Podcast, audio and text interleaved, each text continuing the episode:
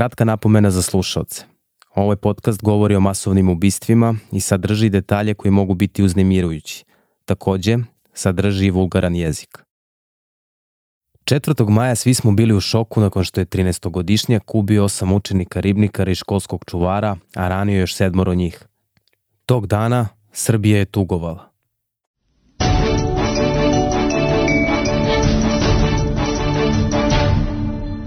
Vesti. Srbija odaje počast ubijenima u osnovnoj školi Vladislav Ribnikar u Beogradu. Građani u Beogradu, Novom Sadu, Čačku, Užicu, Somboru, Kosovskoj Mitrovici i drugim gradovima pale sveće i polažu cveće. Osmoro učenika i radnika obezbeđenja ubio je učenik te škole. Ranio je sedmoro, šest učenika i nastavnicu. Trodnevna žalost u zemlji je od sutra do nedelje. I u Malom Orašiju i Duboni, šumadijskim selima koje se nalaze na pola puta između Mladenovca i Smedereva, baš kao i ostatku Srbije, svi su pričali onome što se dogodilo dan ranije u prestonici. Ono što žitelji ovih sela nisu mogli ni da pretpostave je da se baš kod njih sprema nova tragedija. Mi smo sedeli i čuli smo rafale, prvi rafal, i pošto je tu jedan komšija dobio unuku, tri dana pre toga, Ja sam odmah pomislila na njega, jer ima tako običaj kad se nešto desi, praznikov. Te noći, strava o kojoj su slušali prethodnog dana na vestima, pokucala je na njihova vrata. U masovnom ubistvu kod Mladenovca osmoro nastradalih 14 ranjenih. Pripadnici Ministarstva unutrašnjih poslova nakon obsežne potrage uhapsili su UB 2002. godište u okolini Kragujevca zvona za ubijene u masovnoj pucnjavi. Meštani sela Dubona u bolu i tišini ispraćaju troje mladih iz njihovog sela koje je svirepo ubio mladić iz tog kraja. Dobroveče. Sigurna sam da je noćas i jutro svima nama samo jedno pitanje bilo u glavi. Ima li kraja? 21-godišnjak Uroš Blažić je iz automatske puške i pištolja pucao u mladići i devojke u Malom Oraši i Duboni. Ubio je osmoro mladih ljudi i ranio još 14 njih. Jedan od ranjenih je gotovo nakon dva meseca u bolnici preminuo. Jedan od ubijenih, baš kao i u Ribnikaru, bio je tinejdžer. Nikola, da je on bio žive sad bi u septembru napunio 15, on imao ni 15. Nakon celovečernje potrage Uroš je uhapšen. Narednog dana svi smo se osjećali uplašeno, nekako nesigurno. Opasnost je vrebala sa svih strana. Sećam se da sam osjećao neopisivi strah kada sam 5. maja ušao u trolu. Mislim da nema osobe na koju sve ovo nije uticalo. Međutim, dva pitanja su me sve vreme mučila kada je ovo drugo masovno ubistvo u pitanju. Da li je na neki način ono što se desilo u Ribnikaru povezano sa ovim i da li je moglo da bude sprečeno?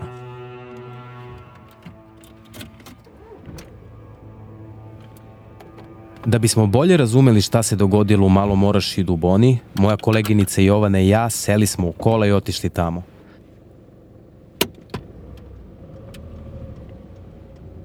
Dva dana smo proveli sa porodicama ubijenih u masakru koji je zauvek promenio ova dva nekad vrlo živa sela. Evo sad smo, sad ulazimo u Dubonu, ali tamo ćemo da se vratimo posle. Sad idemo prvo u Malo Orašje. Sada u njima, umesto muzike i veselja, vlada sablasna tišina, tuga i strah. Da bih ti ilustrovao koliko je tamo strašno, pre nego što smo krenuli na put, porodice ubijenih u Ribnikaru su nas upozorili da se psihički spremimo za ono što ćemo da čujemo. Kako se ova mesta oporave od, od takve tragedije?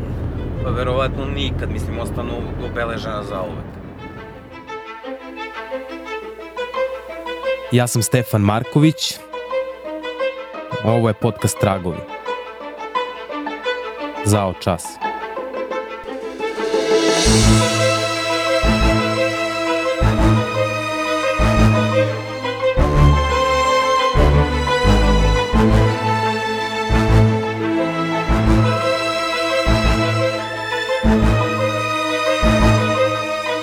Slušaš drugu epizodu. Uranak. U ovoj epizodi sa koleginicom Jovanom Tomić istražujem šta se dogodilo 4. maja.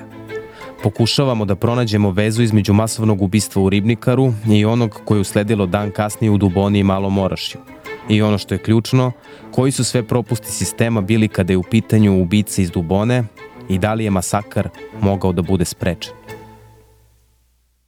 Malo Orašje je baš kao i susedna Dubona voćarsko selo.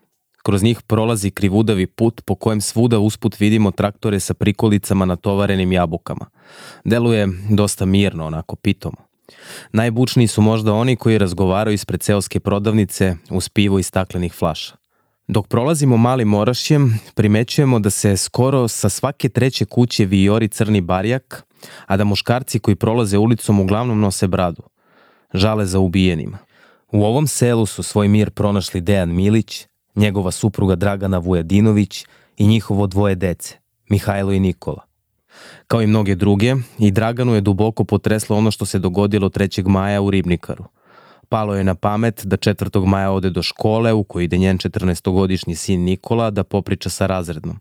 Uobičajene stvari, o ocenama, izostancima. Dragana se prisjeća da su obe plakale zbog onoga što se desilo u Ribnikaru.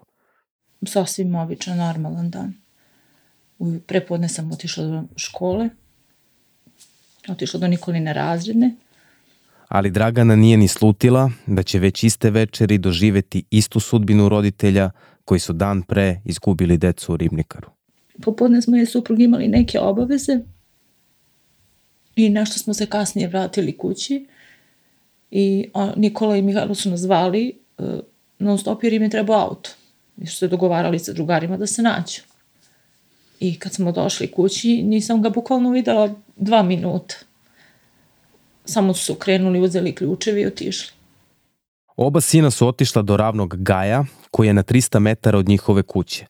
To je parkić pored futbolskog stadiona u kojem se nalazi prizemna slačionica, četinari i kameni spomenik palim ratnicima iz drugog svetskog rata. Tamo su planirali da oko logorske vatre proslave Đurđevdanski uranak, i to dan ranije, zato što je zbog masakra u Ribnikaru od 5. maja bio proglašen dan žalosti. Zbog e, toga što se desilo u Ribnikaru trećeg, oni nisu hteli dole u selu da puštaju muziku, pa su se dogovorili da se nađu gore kod spomenika i da puste muziku. Do 12. Do 12, jer je sutra dan bio proglašen dan žalosti i da se dogovore u vezi uranka za Đurđevdan, jer su gore planirali da prave uranak.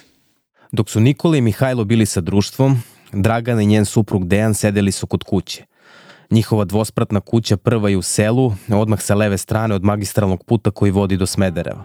Mi smo sedeli i čuli smo rafale, prvi rafal, i pošto je tu jedan komšija dobio unuku, tri dana pre toga, ja sam odmah pomislila na njega, jer ima tako običaj kad se nešto desi, praznik, on je lovac čovek i voli tako da puca, ne znam, kad je Božić, Nova godina, ne znam. Ja ga, baš sam prokomentarisala s suprugom, bože da li je normalan, deca idu puta, mislim toliko da puca. Ali to nije bio komšija. Bio je to Uroš Blažić, koji u Mercedesu krenuo iz Donje Dubone, prošao kroz Dubonu i stigao do Malog Orašja. Parkirao je kola kod otrajalog autobuskog stajališta koje se nalazilo odmah do mesta gde su se mladići i devojke iz Malog Orašja oko logorske vatre zabavljali uz muziku i piće. U rukama je držao kalašnjikov. I onda je izašao ispred sa puškom i ništa nije rekao i počeo da puca. I sad ja u tom trenutku sam prvo mislio da je to plastična puška, da se neko šali s nama. Ali to nije bila nikakva šala. Ovo je Mihajlo, Draganin stariji sin. Visok momak, mršav, veoma miran. On je te večeri sa mlađim bratom Nikolom bio na ravnom gaju i zapravo on je puštao muziku sa svog telefona koji je bluetoothom povezao za zvučnik. Zaista je teško da se sluša njegovo svedočenje. Pre nego što je Uroš zapucao, jedan od mladića ga je pozvao na piće. Pre početka, kao što je počeo da puca, je taj Petar uh, mu rekao kao dođi na pivo. Zvao ga da dođe kao da se druži nama. Međutim, on je počeo da puca I ja sam to gledao, nisam se pomerao, stavio sam u mesto, jer sam mislio da puca u nebo, nisam video kod... Iskreno, da sam se našao u istoj situaciji, nisam siguran da bih drugačije odreagovao. Mihajlo se na posledku ipak trgnuo. Međutim, u tom trenutku mi je prošao metak pored glave i onda sam skapirao da puca na nas. I kako sam se ja okrenuo, on je još uvijek pucao i video sam sve njih na zemlji i čuo sam kako traže pomoć i ja sam, kad mi je prošao taj metak, pao dole bio. I dok kad sam ja to sve video, ja sam krenuo ka njima. Mihajlo je sa drugarima već odmakao. Muzika je prestala. A pojedinačni pucnji i dalje su odzvanjali. Toga se sećam. Ušli smo u tu jednu njivu koja je, bio, koja je bila trava bukvalno do, do pojasa. I svuda okolo je bilo drveće i nismo mogli da izađemo. I samo mesec je toliko, toliko sio kao dan da je se vidio. I onda smo prošli kroz to drveće i to niko ništa nije pocepao. Ništa od nas. A sve to vreme smo trčali. U svoj toj zbrci Mihajlo nije video gde mu je brat Nikola. Sve što je mogo da učini je da pozove oca. Znala sam da nije dobro. I suprug je tamo stigao posle. Imao je što da vidi. Pozvao sam policiju na putu gore, ali nisam bio prvi koji ih je pozvao. Jer ja sam u tom trenutku istizao gore, pričao sam sa njima i rekao sam da pošalju više hitne pomoći, jer sam vidio da je mnogo povređeno. Kako, kako sam naišao, vidio sam da mnogo ima dece. Ovo je Dejan, Draganin suprug. On je prvi stigao na mesto masakra.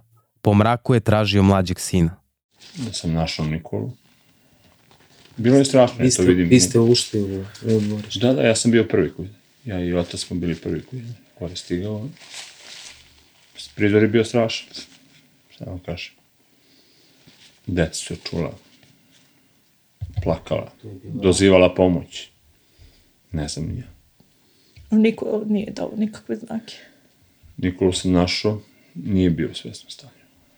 Ali nisam video ni povredu, ni ništa, jer je bio mrak. Mislim, ja svakako sam gledao samo da ga ubacim u auto i da ga vozim u hitnu.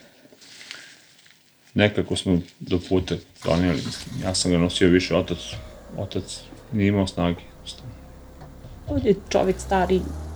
Tek kad smo stigli tamo, i kad sam, kad sam pomogao sa nosilom da ga ubacim unutra, ja sam vidio da je, da je povređen i mislim odavde kad smo krenuli, on je još par puta probao, borio se za vas, probao je da udahne, možda negde do vodnje, ne znam ja. I to je to. Nikola nije preživeo. U njegovoj sobi se sada nalaze stvari koje je inače voleo. Na drvenom ormaru nalaze se bočice parfema i ispražnjene flaše za sok. To je bio njegov krevet. Da. Tu mu je telefon njegov, slušalice smo ostavili, ključ od motora, novčanik, kako je bilo, sve ostalo tu. Na radnom stolu, pored čestitke majci za rođendan, nalaze se slatkiši koje je voleo. Cela ova prostorija je kao neka vrsta memorialne sobe. Da li tako sam ja tu stavila neke nje stvari koje on volao, sat koji mu je brat dao, njegova đačka knjižica. Ovu knjigu mu je poklonio Denov brat od tetke, Istorija sveta. On je bio oduševljen kad je dobio tu knjigu i eto, tako ima neko posebno mesto i bukvalno sve nas seća na njega. Nikola je najmlađa žrtva ovog masakra. Bio je dete. Imao je samo 14 godina. Posle ovakve priče, sve što sam osjećao bilo je tuga i mučnina. Bukvalno mi je fizički bilo muka. Ali ovo nije jedina unesrećena porodica sa kojom smo Jovana i ja pričali. Mirjana Stevanović živi nedaleko od Dragane i Dejana. Zelena kuća u uskom sokaku. U dvorištu je parkiran crni punto. Tim kolima se njen sin Nemanja 4. maja odvezao do ravnog gaja. Negde oko, pa ne znam tačno, možda 11 i 5-6 minuta mi je zazvonio mobilni. Ja sam se javila, pročitala sam ime e, Nemanjine od njegove devojke. Mama me je zvala i rekla e, Miro, pobili su nam decu, dođi brzo u Ravangaj. Gde sam ja onako u šoku bila, muž je, ja kažem, kako pobili, muž je ustao, I ja kažem, Marijana mi je rekla samo pobili su decu, ajde idemo. Mirjana ode utisak jake žene i nekako i pored svega veselog duha. Ali priča koju priča nije nimalo vesela. Njen suprug Goran i ona otišli su do ravnog gaja koji se nalazi na par minuta od njihove kuće. Našli su Nemanju koji je bio ranjen. Goran je prišao njemu, sine, si dobro, on je, ne znam šta je rekao stvarno, hitna pomoć bio je, bilo je samo jedno sanitarno vozilo gde je bilo koga ćemo da stavimo pre. Goran je tražio auto dok je sanitetsko vozilo, jedino koje je bilo tog dana u funkciju Smederevu, odvozilo Nemanju. otišao je da nađe auto. Nemanju su za to vreme prebacili u sanitarno vozilo gde sam ja ušla i rekla ajde sine, molim te, samo budi, nemoj da zaspiš, budi svestan svega. I on je rekao, hoću mama. E, izašla sam iz sanitarnog vozila, ovaj, taj doktor je probao da mu stavi, da mu da infuziju, on se otimao i onda je ušao moj suprug da ga smiri i rekao mu, ajde, Neco, budi dobar, sad će oni da ti pomognu, bit će dobro sve, gde mu je on rekao, ma nema tata ništa od mene.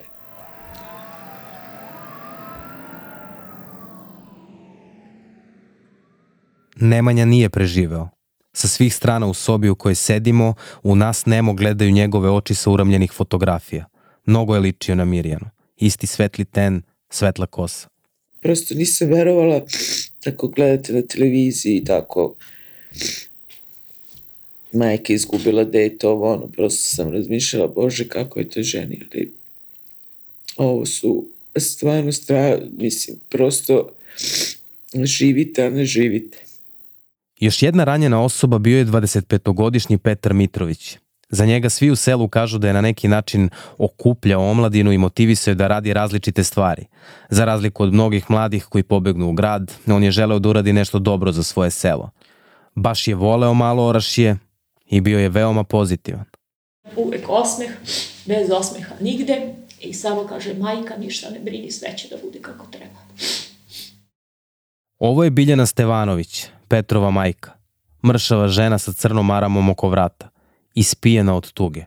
Petar je bio predsednik lokalne folklorne družine, igrao je futbal, mladima iz sela je često znao da sprema hranu i baš on je napravio akciju da se pokosi trava i uredi prostor gde je na njega kasnije pucao Uroš Blažić.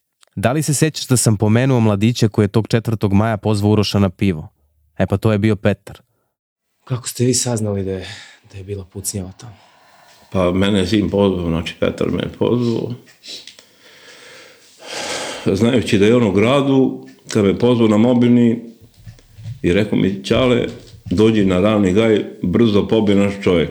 Ja sam mislio da je to bila tuča, da je bio neki konflikt između, šta znam, možda je neko ne išao iz grada, pa je Petrov otac Vladan je krupan čovek sa izrazito gustim obrvama i umršenom bradom.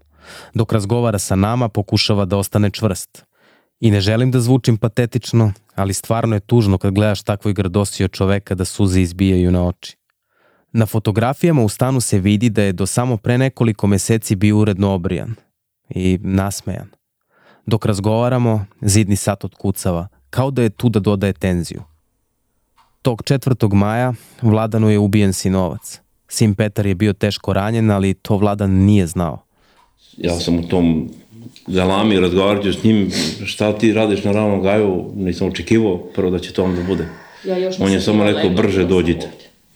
I ja sam normalno iz spavaće sobe izleteo. Verovatno sam Dok ja glasno se- viknula, ovi su dvojica sleteli. Ona je počela da vrišti, dva sina su sišla sa sprata, uleteli u auto i pravo gore. Dok smo mi stigli, dok, smo, dok sam ja Pa ne, zaboravim. Ključeve sam promašio. Ključeve uzeo. Seli u auto, oni su već gore stigli. Oni su na licu mesta. Kad su videli šta je, nisu mogli da veruju. Ali oni su krenuli jer su mislili da je tuča. Oni su uzeli neku štaku, ne znam, neke lopate da, da ih brane. Znači, oni su seli u kola kad su stigli tamo, oni su poneli to sa sobom. Onda su pobacali to sve tamo kad su videli šta se desilo. Mislim, znači, katastrofa. Prolazili su dva puta pored ovog brata od strica, znači njega Nisu nisu, videli. Oni su samo po glasu, E, to je pošto je mrak. bio, to je, sad, je, sad je odrađena rasveta i sve to, mislim. Po glasu su svega. čuli Petrov glas i onda su otišli kod njega. E, to je samo bila vatra gorela koja je već pri kraju bila ugašena i to je totalni mrak bio. Petar je bio teško ranjen. A recite mi, ovaj, vaš sin je dugo bio u bolnici. 50 dana. Ka, on je bio svestan ili sve vreme? Ja sam kuvala Pa nije bio u početku, bio je... u- 15 dana je bio, dve nedelje je bio u komi. A onda je usledila nenajavljena operacija. Petar je nakon nje preminuo posle 50 dana borbe i nade. U dnevnoj sobi Mitrovića sada postoji nešto što podsjeća na mali oltar. Tu je fotografija sa koje se Petar smeje, upaljena sveća i čašica rakije. Biljana se prisjeća da je u jednom trenutku svesnog stanja Petar pitao ko je pucao na njih. On je, ne. kad se probudio iz kome u bolnici, pitao me je... Ko je taj? Majka, gde je taj što je pucao? Ja kažem, pošto je prošlo već dve nedelje, ja kažem, uhapsili su ga. A ko je taj? Ja kažem, ne znam, neki dečko iz Donje Dubone, nemam pojma. Mislim, nismo ga ni mi znali, nikoga ne znam. On kaže, a što je on pucao na nas?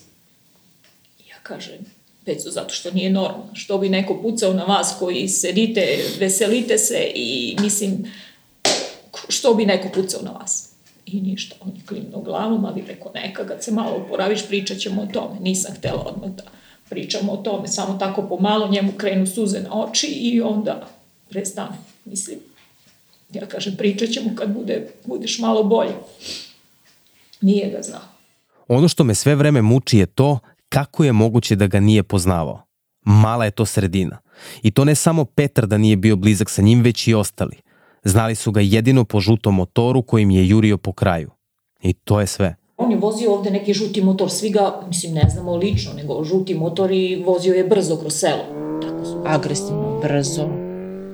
I to je to što znamo o njemu. Nisam znala čak ni kako izgled. Znala sam da je žuti motor i da je dečko iz Dubone. To je sve. I ga nismo ni znali. Da li su, mislim, ne znam da li su ga zna, znali stvarno. Mm. Nikad nije potenuta tema o bilo kakvom Urošu iz, iz Dubona. Niko lično znao, koliko ja znam. Da, da, niko. Zdravo. Ja sam Vladimir Kostić, glavni i odgovorni urednik CINSA. Mesecima smo svaki dan radili da bismo napravili ovaj podcast. Stefan i Jovana su intervjuisali na desetine sagovornika pregledali na stotine stranica dokumentacije i prešli kilometre i kilometre kolima. Zato, da bismo mogli da nastavimo da za tebe snimamo istraživačke podcaste, potrebna nam je tvoja pomoć.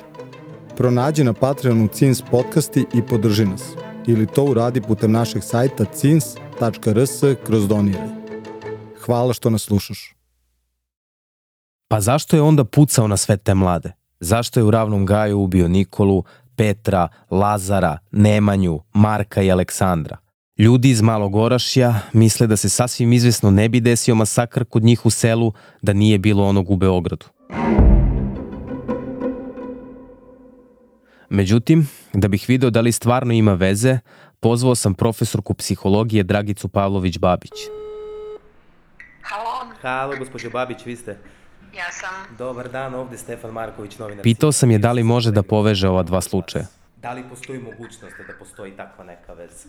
Lično mogu da pretpostavim da, da to može da bude, da bude da je objašnjenja. Evo, u, u, ukrali su mu, ja sam taj koji voli oružje, ja sam taj koji seje moć oko sebe, pa i na taj način. Mm -hmm. I neko, neko mi je ukrao slavu. Profesorka ne veruje da je slučajnost to što je Uroš baš jedan dan nakon Kostinog ubistva poubijao ljude iz svog kraja. Znači, prosto ne verujem u slučaj, ne verujem da, da, je, da se sad to, ta dva datuma tako preklopila nekako nezapamćene e, tragedije koje imaju dosta zajedničkih elemenata, to je ono nad vršnjacima, nad onima koji bi trebalo da ti, da ti bude to, to je neposredno okruženje, koji su ti bliski, ovaj u školi, ovaj drugi u selu u kojem je živeo. Mm -hmm dan za danom meni se čini da, da je e, nemoguće da je to ili da je vrlo malo verovatno da je to, da se to slučajno preklopilo.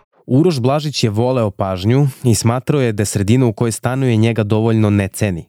U iskazu je čak rekao da je sredina ljubomorna na njega jer se druži sa poznatima. Kad kažem poznati, mislim na one iz realitija – Ovo što ćeš sada da čuješ, izjavio je Uroš, ali čita moj urednik Vladimir Kostić. Ja se nisam družio ni sa kim iz Malog Orašja. I nisam odlazio kod bilo kog lica iz tog sela. Uopšteno gledano, ja sam imao lepo mišljenje o meštanima Dubona i Malog Orašja, ali oni nisu imali lepo mišljenje o meni i mojim Mislim da su bili ljubomori na mog oca, majku, na mene što se družim sa Nikolom Đorđevićem kao poznatom ličnosti, koji je bio u reality programu. I zbog toga što vozi motor, dobra kola, prisustva lepih devojaka i slično. Ja sam u njihovom ponašanju osjećao podsmeh, ruganje, ismejavanje. To su svi Sve se to pojačalo jer sam ja digao lestvicu više u odnosu na moj život i život onih u selu koji su se redovno bavili kao i činjenicu da se ja družim sa poznatim ličnostima. Poznate ličnosti koje pominje sklone su nasilju.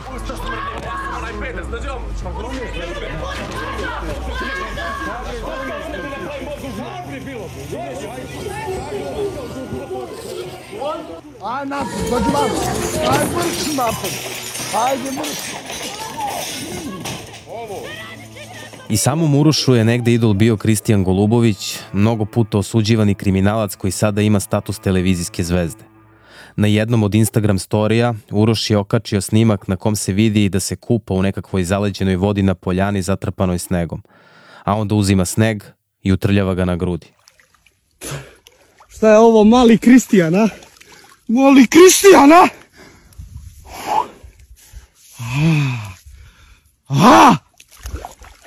Ali iako je voleo poznate ličnosti i navodno se družio sa njima, Uroš nije bio poznat. Pa, osim policiji. Da ne bi dolazili do toga da sa informacijama koje dobijate sa raznih strana, a koje nisu ni proverene, ni tačne, ja ću vama da pročitam šta je urađeno kada je Uroš Blažić i njegova porodica u prethodnom periodu kada je postupanje policije i tužilaštva za tužilaštvo ćete njih da pitate, a ja mogu što se aspekta policije tiče. Ovo je Bratislav Gašić, ministar unutrašnjih poslova. On je na sednici Narodne skupštine odgovarao poslanicima na pitanje u vezi sa ova dva masakra.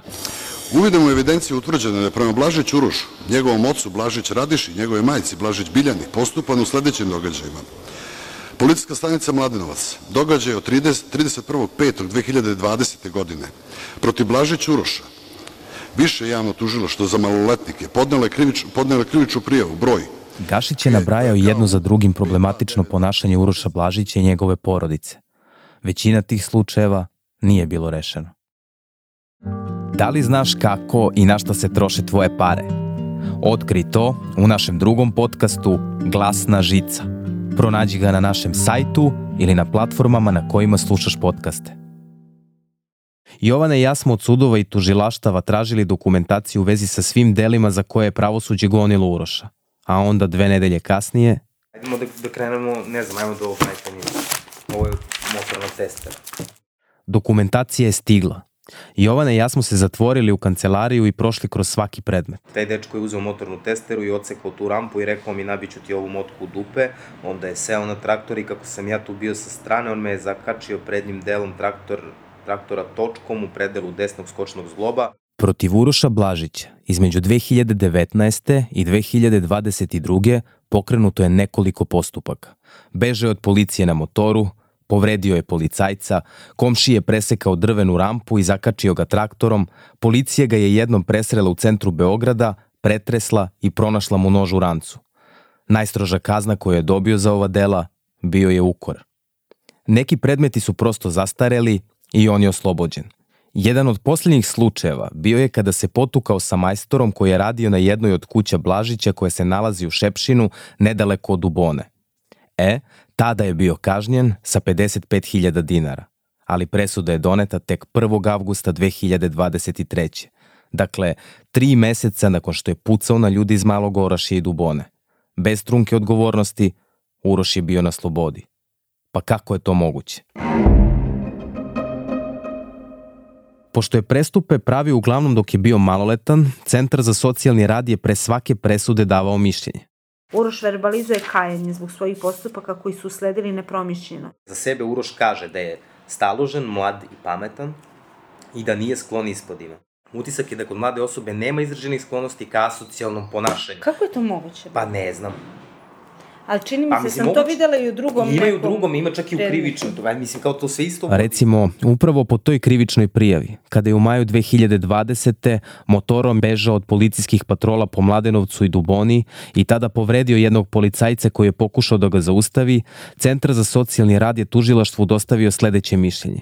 Da je redovan učenik četvrtog razreda srednje škole, u kojoj ostvaruje vrlo dobar uspeh, ali i da otac ima dominantan položaj u odnosu na majku, ali sa pozitivnim vrednostnim sistemom. Da rezimiram. Uroš je stalno pravio incidente, bio je nasilan, u selu se nije baš družio sa vršnjacima, a Centar za socijalni rad je uporno govorio da on nije asocijalan, da se kaje i da je vezan za porodicu u kojoj je otac Radiša, inače vojni pukovnik, dominantna figura.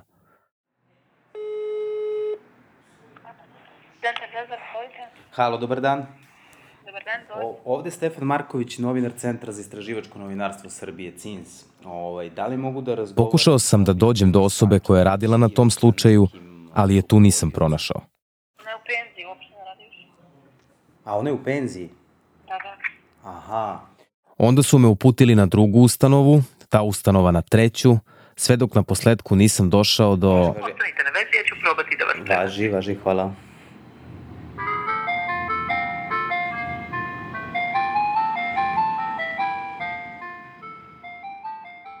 Nisam uspeo da dođem do izjave iz Centra za socijalni rad, ali mi je potrebno da saznam kako oni uopšte funkcionišu.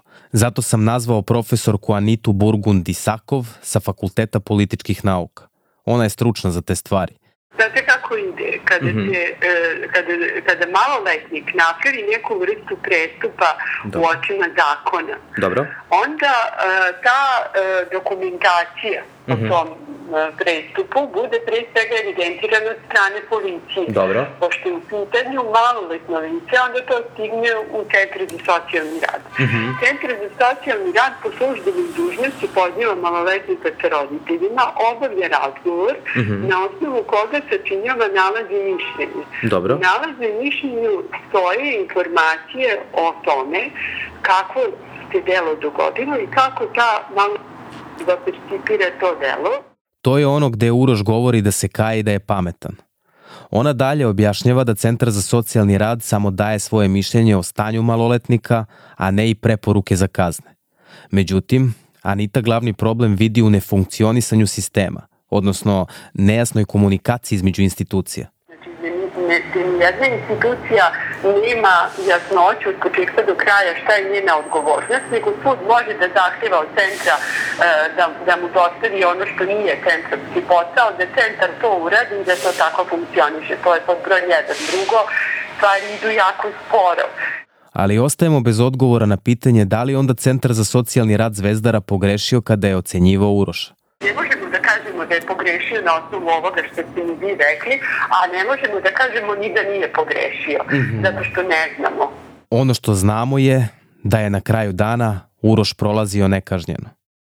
Međutim, ako već govorimo o sličnostima između ovog i onog masovnog ubistva u Ribnikaru, postoji jedna bitna stvar. U oba slučaja korišćeno je vatreno oružje, obe ubice su imale pristup oružju i znale su kako da ga koriste. I što je najgore, iskoristili su ga. U sledećoj epizodi govorit ću o tome da li je i koliki problem oružja u našem društvu. Odakle Urošu Blažiću neregistrovana automatska puška i pištolj kojim je ubijao u Malom Orašiju i Duboni. Otac mu je to omogućio, donosio oružje, dakle donosio, ne znam, bio je voljno lice. Verovatno da nije donosio, ne bi on mogao ni da napravi takav masakr. Potražit ću i odgovor na pitanje odakle toliko nelegalnog oružja. E, Generalno ga ima dosta kod nas u našem društvu i na Zapadnom Balkanu i u zemljama bivše Jugoslavije zato što e, je deo nasleđa ratova iz 90-ih. Ostalo je kod građana. Ali i kako je Kosta došao do očevog pištolja i kako je uopšte znao da puca. Ako mislite, ako vidite da vam dete ima neki problem ili mislite da onda, hoću kažem, onda ne, ne vodite ga na pucanje.